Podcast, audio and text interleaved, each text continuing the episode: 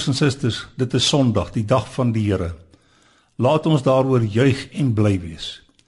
Wat 'n groot voorreg is dit om 'n Christen te wees. Ek wil een en elk die hele Christelike familie hartlik welkom heet by hierdie erediens. Dietrich Bonhoeffer, die Duitse predikant wat deur Hitler tereggestel is, het tereg gesê: "Die Christelike familie is 'n wonderlike familie. Nie sonder foute of sonde nie, maar 'n wonderlike familie." Ek is bevoorreg om meer as 40 jaar predikant te wees. Dis 'n wonderlike voorreg. Terwille van die luisteraars kan ek net noem dat ek dosent is by die Auckland Park Teologiese Seminarium in Johannesburg. Die rektor is professor Jan Hatting. Die kampus is direk langs die Universiteit van Johannesburg geleë. Dis 'n kontak en korrespondensie seminarium. Ek is verantwoordelik vir die departement Nuwe Testament. Die seminarium affilieer ook met die fakulteit teologie van die Noordwes Universiteit. Hier lei ons predikante van alle kerke oor die hele Afrika op. Die dosente is wetenskaplike navorsers en kan die studente toerus vir die taak van predikant wees in die 21ste eeu. Hier is nie plek vir die teologiese aanslag van die liberale teologie van die 18de eeu nie. Wat meen dat ons nie 'n God nodig het nie of dat Jesus nie uit die dood opgestaan het nie. Hier is voorware behoudende teologiese seminarium. Op my lesenaar lê aantekeninge van een van my eertydse en gewaardeerde leermeesters, professor Chart van der Walt. Aantekeninge oor die probleem van die lyding van die Christen. Die tema van my boodskap is dan ook vanoggend: Waar was God? Waar was God? 'n Tergende vraag. Miskien soek jy vanoggend rigting en hoop, kontoure vir jou lewe. Ek glo dan dat die woord van die Here belkien sy adres sal uitkom. En wanneer ek oor hierdie groot tema nadink, dan voel ek soos 'n klein seentjie wat probeer om met 'n vingerhoed die oseaan leeg te tap. Ek gaan uit Psalm 22 vers 1 tot 4 en vers 12 op bladsy 511 van die Ou Testament lees. Kom ons bid saam. Here, laat ons aanbidding ons woorde en gedagtes u bly maak. Ons bid dit in die naam van die Vader, die Seun en die Heilige Gees. Amen. Uit ons liedere skat gaan ons hartlik saam sing van die pragtige lied Lied 184. Lof sing die Here, sing tot sy ere.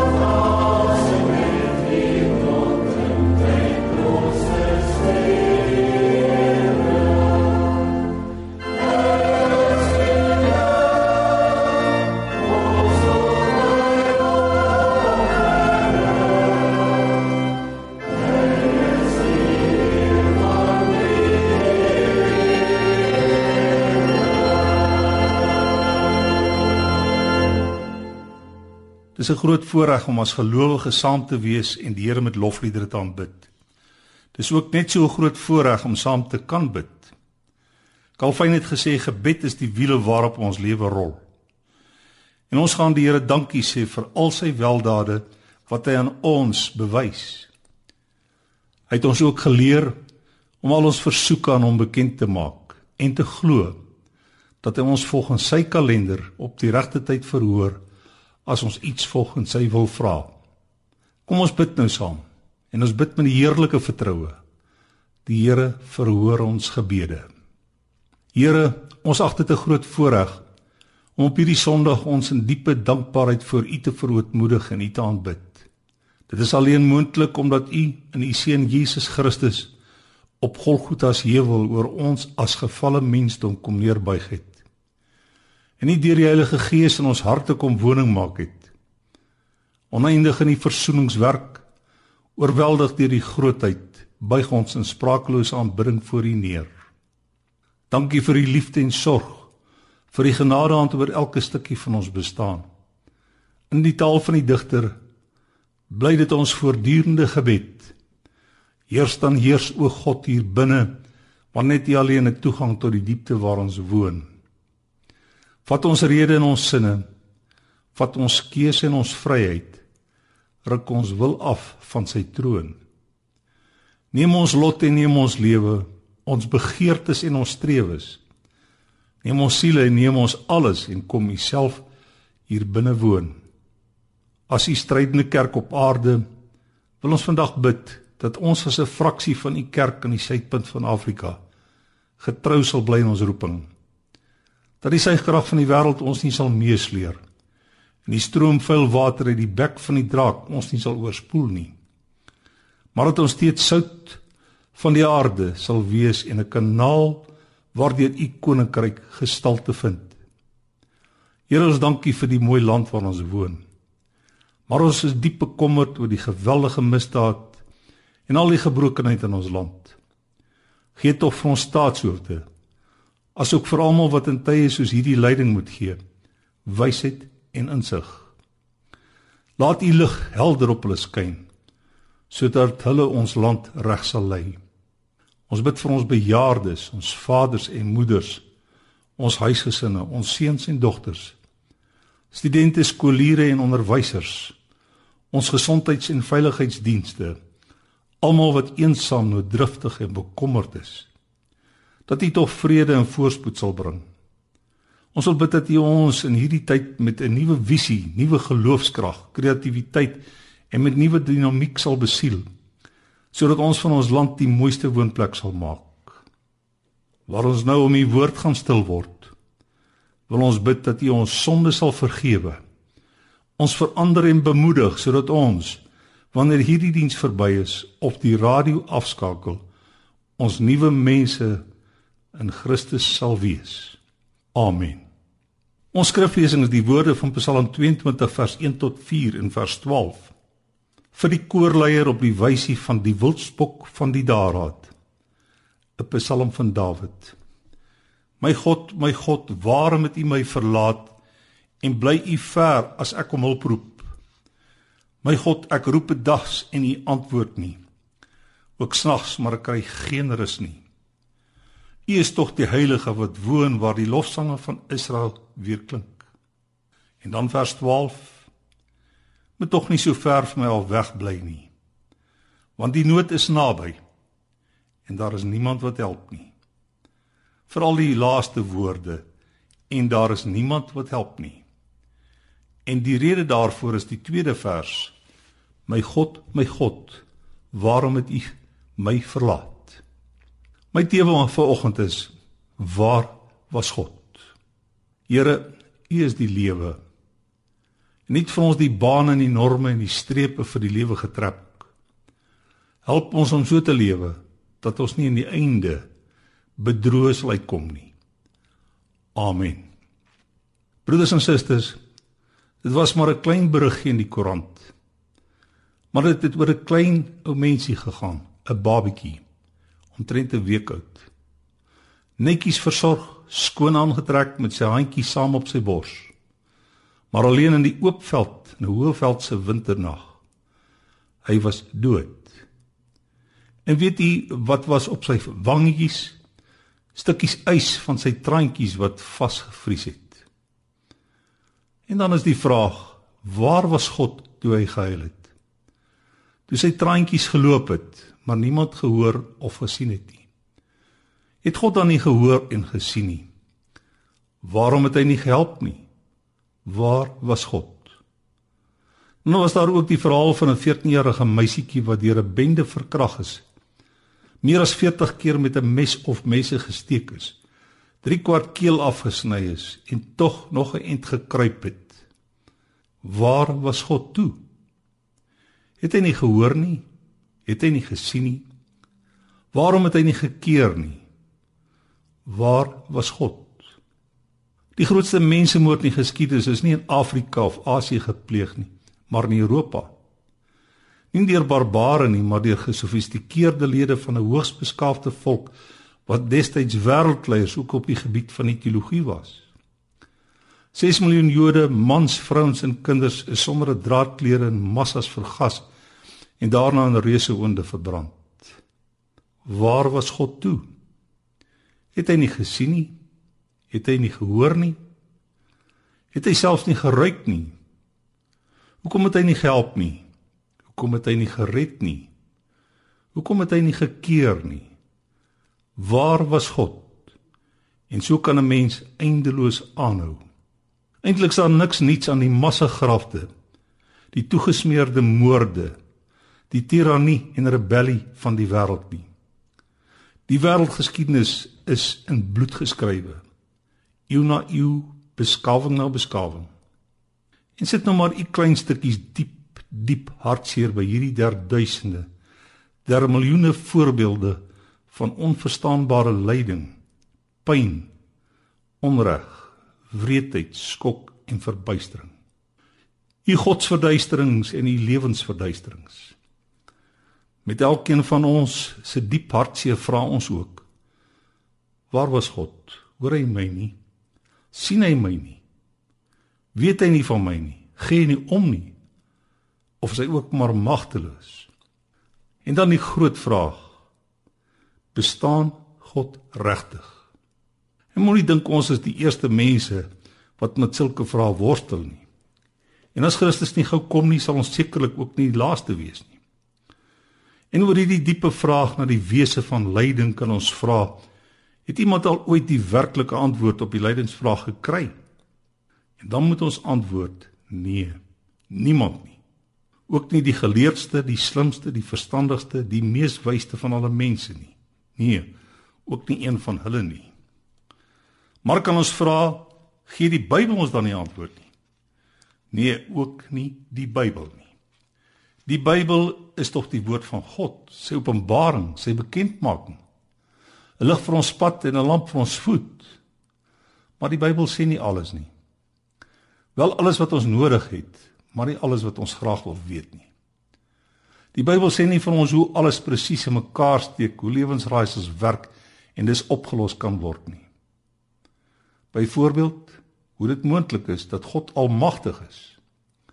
Hy kan alles. Hy is liefde. Hy haat kwaad en onreg en tog is daar sonde, die duiwel, die hel, kanker, vigs. Siektes, peste en epidemies barbaarse wreedheid en die gruwelikste mishandeling, sluiheid, slinksheid, onreg en bedrog. Die Bybel sê nie vir ons hoekom die almagtige, liefdevolle God dit laat gebeur nie. Die Bybel gee nie vir ons byvoorbeeld al die antwoorde nie, maar tog gee die Bybel vir ons wel genoeg meer as genoeg om met ons vrae te kan lewe.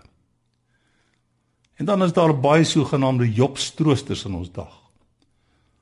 Job se vriende was baie berig. Die uitdrukking Job se troosters het spreekwoordelik geword van mense wat baie praat en skinder, lang afstand beoordelaars is, maar eintlik niks sê nie. Wat hulle toesmeer met so sappige algemeenhede, maar die seer hier diep binne net erger en erger maak. Hoekom? Omdat hulle verbeel dat hulle al die antwoorde het, dat hulle alles so presies weet. Weet jy, dit was eers toe Job in die hitte van sy lyding sy vinger op sy mond gesit het, toe hy stil gebly het, dat hy rus en krag kon kry. En hy het toe ook nog nie al die antwoorde gehad nie, maar hy het rus gekry by sy God, by die Here. Het Augustinus reeds gesê: Here, U het ons vir Uself geskep en ons harte bly onrustig in ons totdat dit rus vind by U. Dit is ook waaroor dit vandag in die woordbediening gaan. Nie om al die antwoorde op ons baie waaroms te kry nie, maar om saam as familie by God te wees. Wat nie net antwoorde ken nie, maar hulle ook maak, hulle ook bepaal. In die Bybel het moontlike antwoorde, teksverse waarin ons tog in 'n mate van rus kan kry. Maar al hierdie teksverse is maar net deel waarhede. Klein venstertjies op 'n groot groot wêreld. Byvoorbeeld Die Bybel sê dat God alles ten goeie laat meewerk vir die wat hom liefhet. Dat die Here die tug wat hy liefhet. Dat ons deel het in die opstanding van Christus, maar ook deel het aan sy lyding. Dat ons swaar kry in die lewe oneindig minder is as die heerlikheid wat God ons sal gee. En dat niks ons kan skei van die liefde van God in Christus Jesus nie.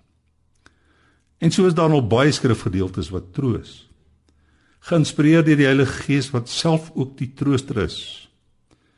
Maar met al hierdie heerlike skrifwaarhede en eeue se menslike diepsinnighede bly 1 Korintiërs 13 vers 12 waar.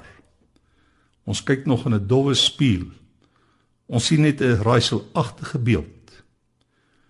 Eers eendag in God se nuwe wêreld sal ons alles sien soos dit werklik is, sal ons ten volle ken soos God ons ten volle ken.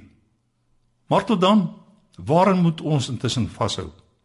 Vergeet die opinies van sommige mense. Mense het persepsies, maar nie perspektief nie. En die aard van die mense is sodat hulle heimlik verlustig as 'n ander in 'n krisis verkeer? Nee. Daar's maar net een antwoord. Hou vas aan die Here. Voel u kinderhand in sy vaderhand. Beleef dat Jesus Christus u las en u kruis vir u gedra het. Ervaar dat die Heilige Gees in sy krag by u is, in u is vir u bid. U in die krisis betekenis gee vir u pleit met onuitspreeklike versigtiging voel, beleef, ervaar.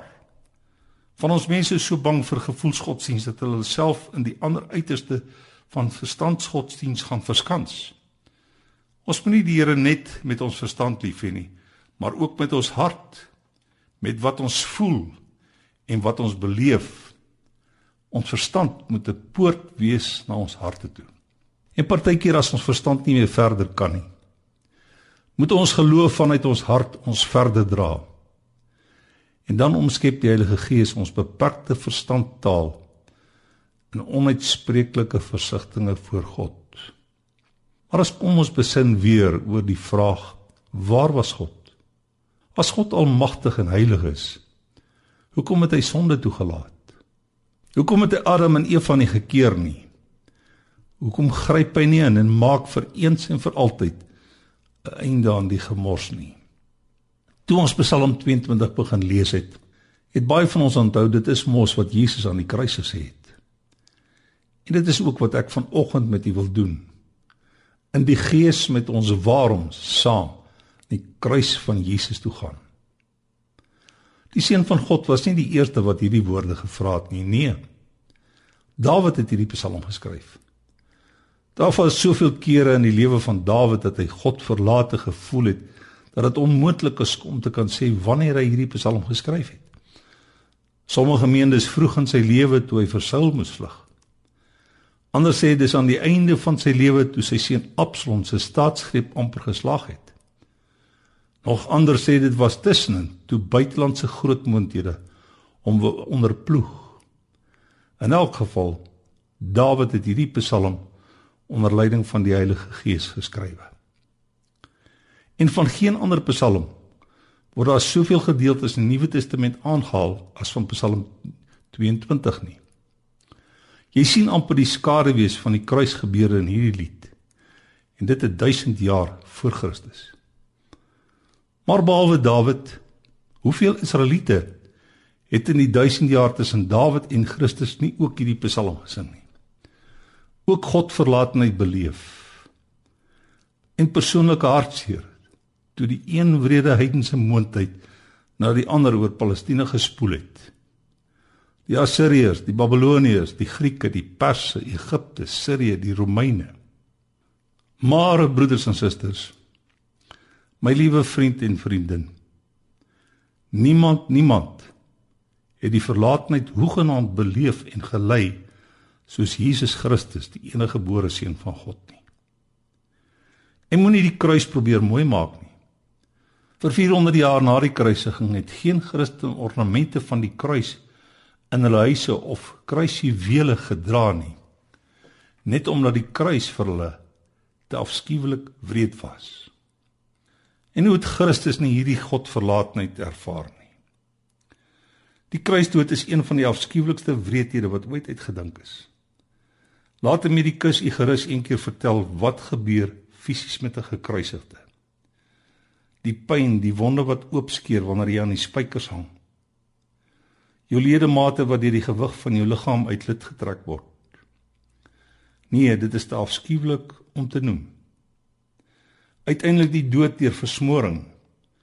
Die sensasie belustigdes rondom wat spoeg en spot en skree en raas.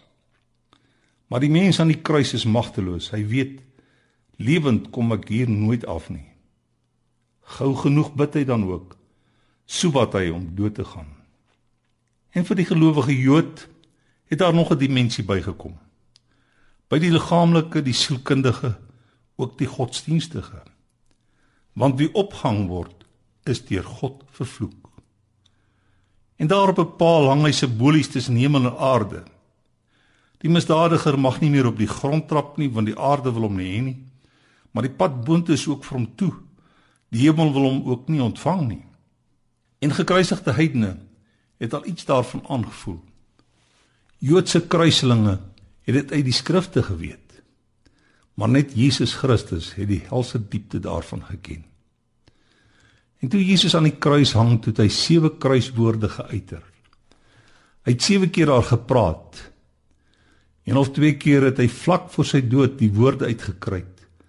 My God, my God, waarom het U my verlaat? Dit was die heel ergste van sy lyding. Nou is dit opvallend hoe dat Jesus keer op keer as hy bid, sy gebed met Vader begin. Soos die onsse Vader gebed. Maar hier is die enigste gebed wat nie met Vader begin nie. As in hierdie afgrond in hierdie hel is waar hy ons sondaars plek volkome inneem sê hy nie meer vader nie. Dis asof hy sy seenskap eenkant toe skuif. Asof hy geen aanspraak bo ander mense wil hê nie. In plaas van my vader is nou my God. My God. My God, waarom het U my verlaat? En dan kry hy tog nie 'n antwoord uit die hemel nie. Nee. Althans nie terwyl hy hier aan die kruis hang en doodgaan nie. Het sy vader nie gehoor nie? Al te seker. God oor alles. Het sy Vader hom nie jammer gekry nie? Ongetwyfeld. Die Vader het die Seun lief. Die Vader, die Seun en die Heilige Gees is een. Nou hoekom het God dan nie gereageer nie? Hoekom was die Vader net weg? Omdat dit God se manier is om 'n einde te maak aan sonde en hartseer en onreg en pyn en die dood. Omdat sonde te afskuwelik erg is om dit maar oor te sien of toe te smeer omdat God hoegenaamd die bereid is om sy standaarde dit wat goed en reg is af te water nie. Weet jy hoe verskriklik is sonde? Kyk dan na wat Jesus Christus aan die kruis moes ly. Ook vir jou en ook vir my, vir elkeen wat glo. Sonde is afskuwelik. Sonde is nie maar iets wat gebeur en dit's verby nie. Sonde laat 'n bloedspoor na wat oor eeue heen kan loop. Sonde is so afgryslik dat geen mens dit kan stuit nie net die seun van God kan en hy het maar kyk ook na hom as jy wil weet hoe eindeloos diep die liefde van God is hoe onvoorspelbaar hoog en hoe maatloos ruim dit is So onbegryplik lief het God sy kinders, groot en klein, oud en jonk, arm en ryk, geleerd en ongeleerd. Maar die seun van God hang ook volkome vrywillig aan die kruis. Vrywillig. Soos hy vir Petrus by die hek van Getsemane gesê het, kon hy legioene uit die ruimte uitgeroep het om hom te bevry. Maar hy het nie. Verander het hy brood gemaak vir homself nooit, al het hy dikwels honger gehad. Verander het hy fonteinwater, lewende water laat stroom. Self het hy aan die kruis goedkoop suurwyn op 'n spons as troostprys vir sy dors ervaar. Siekes het hy gesond gemaak, gebreklikes weer heel. Self het hy hom laat afbreek tot die dood toe vrywilligheid, eie keuse. En 3 uur lank was dit stik donker en waarskynlik ook doodstil op Golgotha se heuwel. So te 3 die middag het hy uitgeroep: "My God, my God, waarom het U my verlaat?" En Jesus speel nie toneel nie. Hy's eg. Al het hy ook op keer op keer gesê hy's gebore om te sterwe. Hy moet ly, doodgemaak word, begrawe word beteken dit nie dat hy as mens wat as mens aan die kruis hang alles presies weet en al die antwoorde het nie. Sy waarom is 'n egte waarom. Waarom het U my verlaat? Waar is God dan? Maar broeders en susters, en dit is so belangrik. Dan doen hy twee dinge wat ons ook in ons godsverduisterings en lewensverduisterings, ons worsteling om te verstaan om antwoorde op die lewe te kry moet doen. In die skaduwee van Golgotha se heuwel waar hy ook vra waar is God, doen hy twee belangrike dinge. Hy gaan met sy vrae, met sy waaroms na die skrif en na God toe. Eerstens haal hy die Bybel, Psalm 22 aan. Hy skryf nie die Bybel eenkant toe nie. Selfs sy vrae stel hy in Bybeltaal sy idioom, sy woordeskat, sy styl bly eg Bybels. Ook in die skadu van die dood haal hy uit sy Bybel, die Ou Testament aan en dan tweedens. En dit is so belangrik. Gaan hy met sy waaroms na God toe. Hy bid. Hy sê nie maar net 'n gewoonte gebedjie op nie. Eintlik soos Paulus sê, bid hy in die gees tot God. Dis 'n gebed uit die diepte van sy wese. Al beleef hy dat God hom verlaat het, los hy God nie. Hy sê my God, my God, waarom het U my verlaat? En weet jy dan kry hy ook rus en vrede voor sy dood. Net hierna praat hy nog twee keer. Hy sê dit is volbring. My lyding is klaar. Ek het oorwin. En toe sy laaste woord aan die kruis: Vader, nou weer Vader, in u hande gee ek my gees oor. In u hande, u Vaderhande. Nou nie eers nog hel toe nie. Nou met die mede gekruisigde direk huis toe, paradys toe, Vader toe. Maar terug kan ons vra of alle lewensraaisels nou skielik opgelos is. Antwoord dit die vraag waarmee ons hierdie preek begin het. Nee.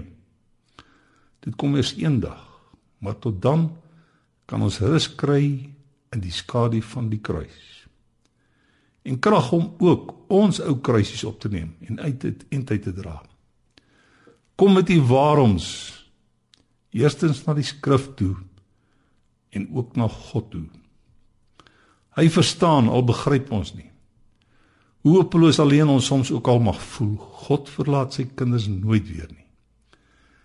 Eenmal aan die kruis was vir ewig en altyd genoeg. Amen. Kom ons bid saam.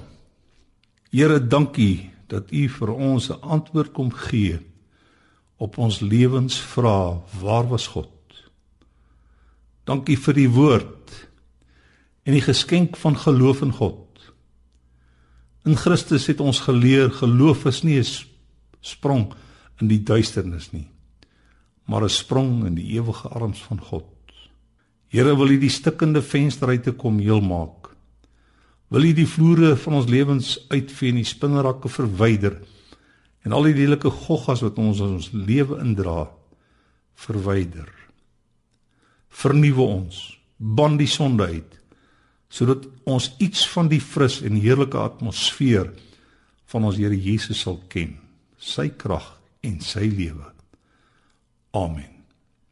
Ons slotlied is lied 518. Voel jy soms of die Here te ver is?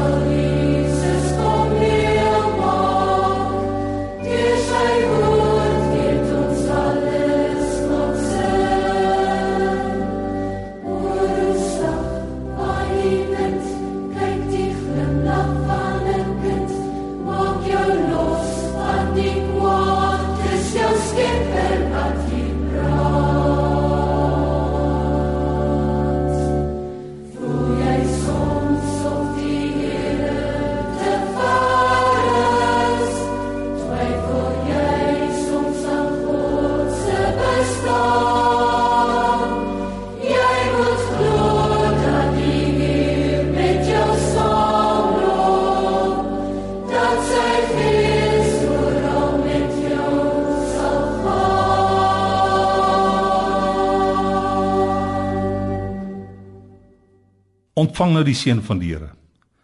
Die Here sal jou seën en jou behoed.